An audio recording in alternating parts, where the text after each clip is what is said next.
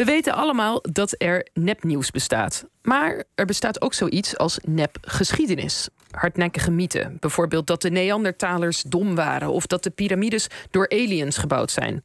En op het internet vinden dat soort onzinpraatjes gretig aftrek. Maar sinds een aantal jaren wordt deze fake history bestreden door de Fake History Hunter via haar Twitter-account. Een soort historische factchecker is zij.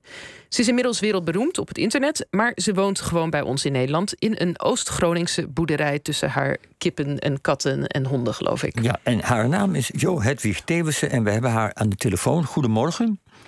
Goedemorgen. Ja, we lazen afgelopen week in NSC dat je thuis telefoneert met een bakkelietenapparaat uit 1937. Bel je daar nu ook mee? Ja, hij werkt nog helemaal perfect.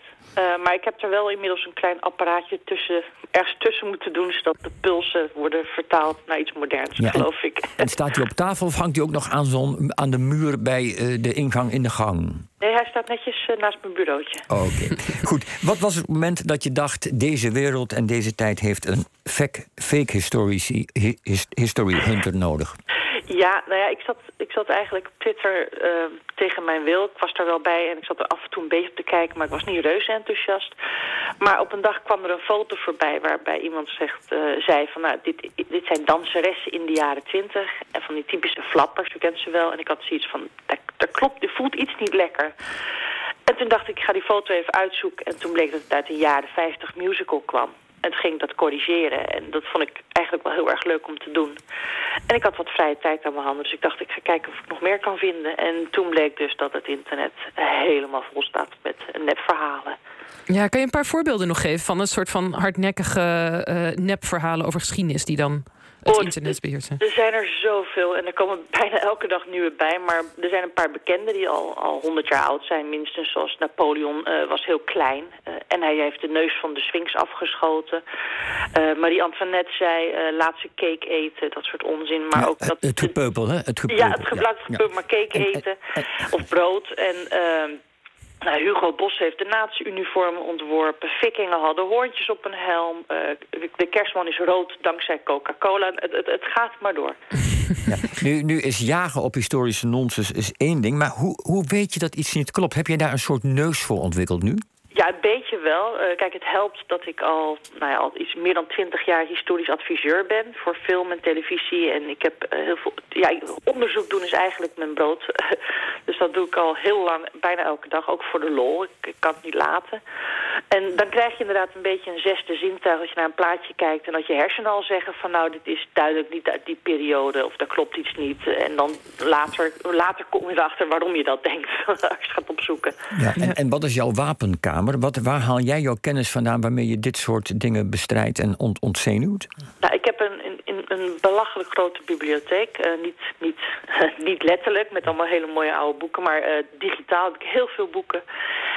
En uh, heel veel kennis. En ik heb ook heel veel connecties in de museumwereld en andere experts. Dus ik, als, ik, als ik er niet uitkom, dan weet ik meestal wel iemand die er meer van af weet.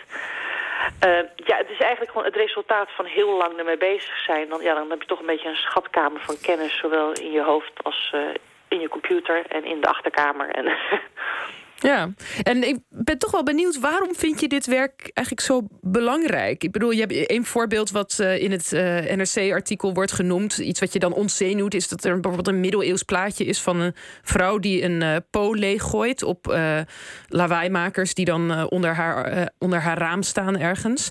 Um, waarom moet jij dan corrigeren van ja, maar dit plaatje is niet echt? Hoe, waarom is dat belangrijk? Nou ja, je, je begint, je hebt toch een bepaalde passie voor geschiedenis. Dat heeft iedereen wel, een bepaalde, voor bepaalde perioden specifiek. Waar je dan toch een soort van, van ja, denkt van, die, die vind ik wel extra interessant. En als dan mensen beginnen uh, erover te praten, ook in clichés en dingen gaan herhalen die al zo lang herhaald worden terwijl ze niet kloppen, dan word je daar een beetje moe van. En dan wil je ze toch verdedigen. en dan heb je toch, dat heb ik dan bijvoorbeeld met de middeleeuwen, de typische clichés van iedereen had slechte tanden en je ging dood voor je dertigste en de straten waren goor en iedereen gooide allemaal viezigheid uit het raam. Ja, we weten inmiddels dat dat eigenlijk een beetje een cliché is en dat het meer Hollywood dan werkelijkheid was. Maar, maar is het erg? Maar, is het erg, is eigenlijk mijn vraag toch? Van zelfs als, we, als je dat gelooft, um, ja, is, is, zit er nog een grotere gedachte? Ik bedoel, het mag, het hoeft niet hoor, maar zit er nog iets meer achter misschien? Ja, absoluut. Je kijk, dit soort dingen kunnen worden misbruikt. Dit soort verhalen kunnen worden misbruikt. Uh, mensen gebruiken dit om te zeggen bijvoorbeeld van uh, alle Europeanen zijn altijd vies geweest. Dat, dat, dat wist ik ook niet dat mensen dat echt dachten. Maar dat kom je op het internet dus tegen, dat soort rare uitkramingen. En wij in Europa kennen dat soort rare verhalen natuurlijk wel over andere groepen mensen.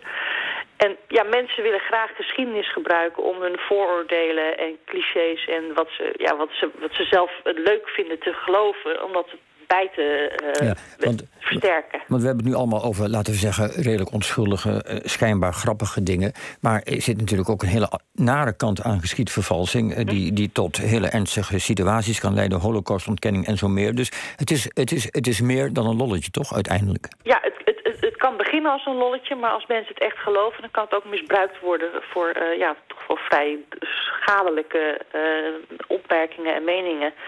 En ja, dat, zien we vandaag natuurlijk met de oorlog in, in, in Oekraïne...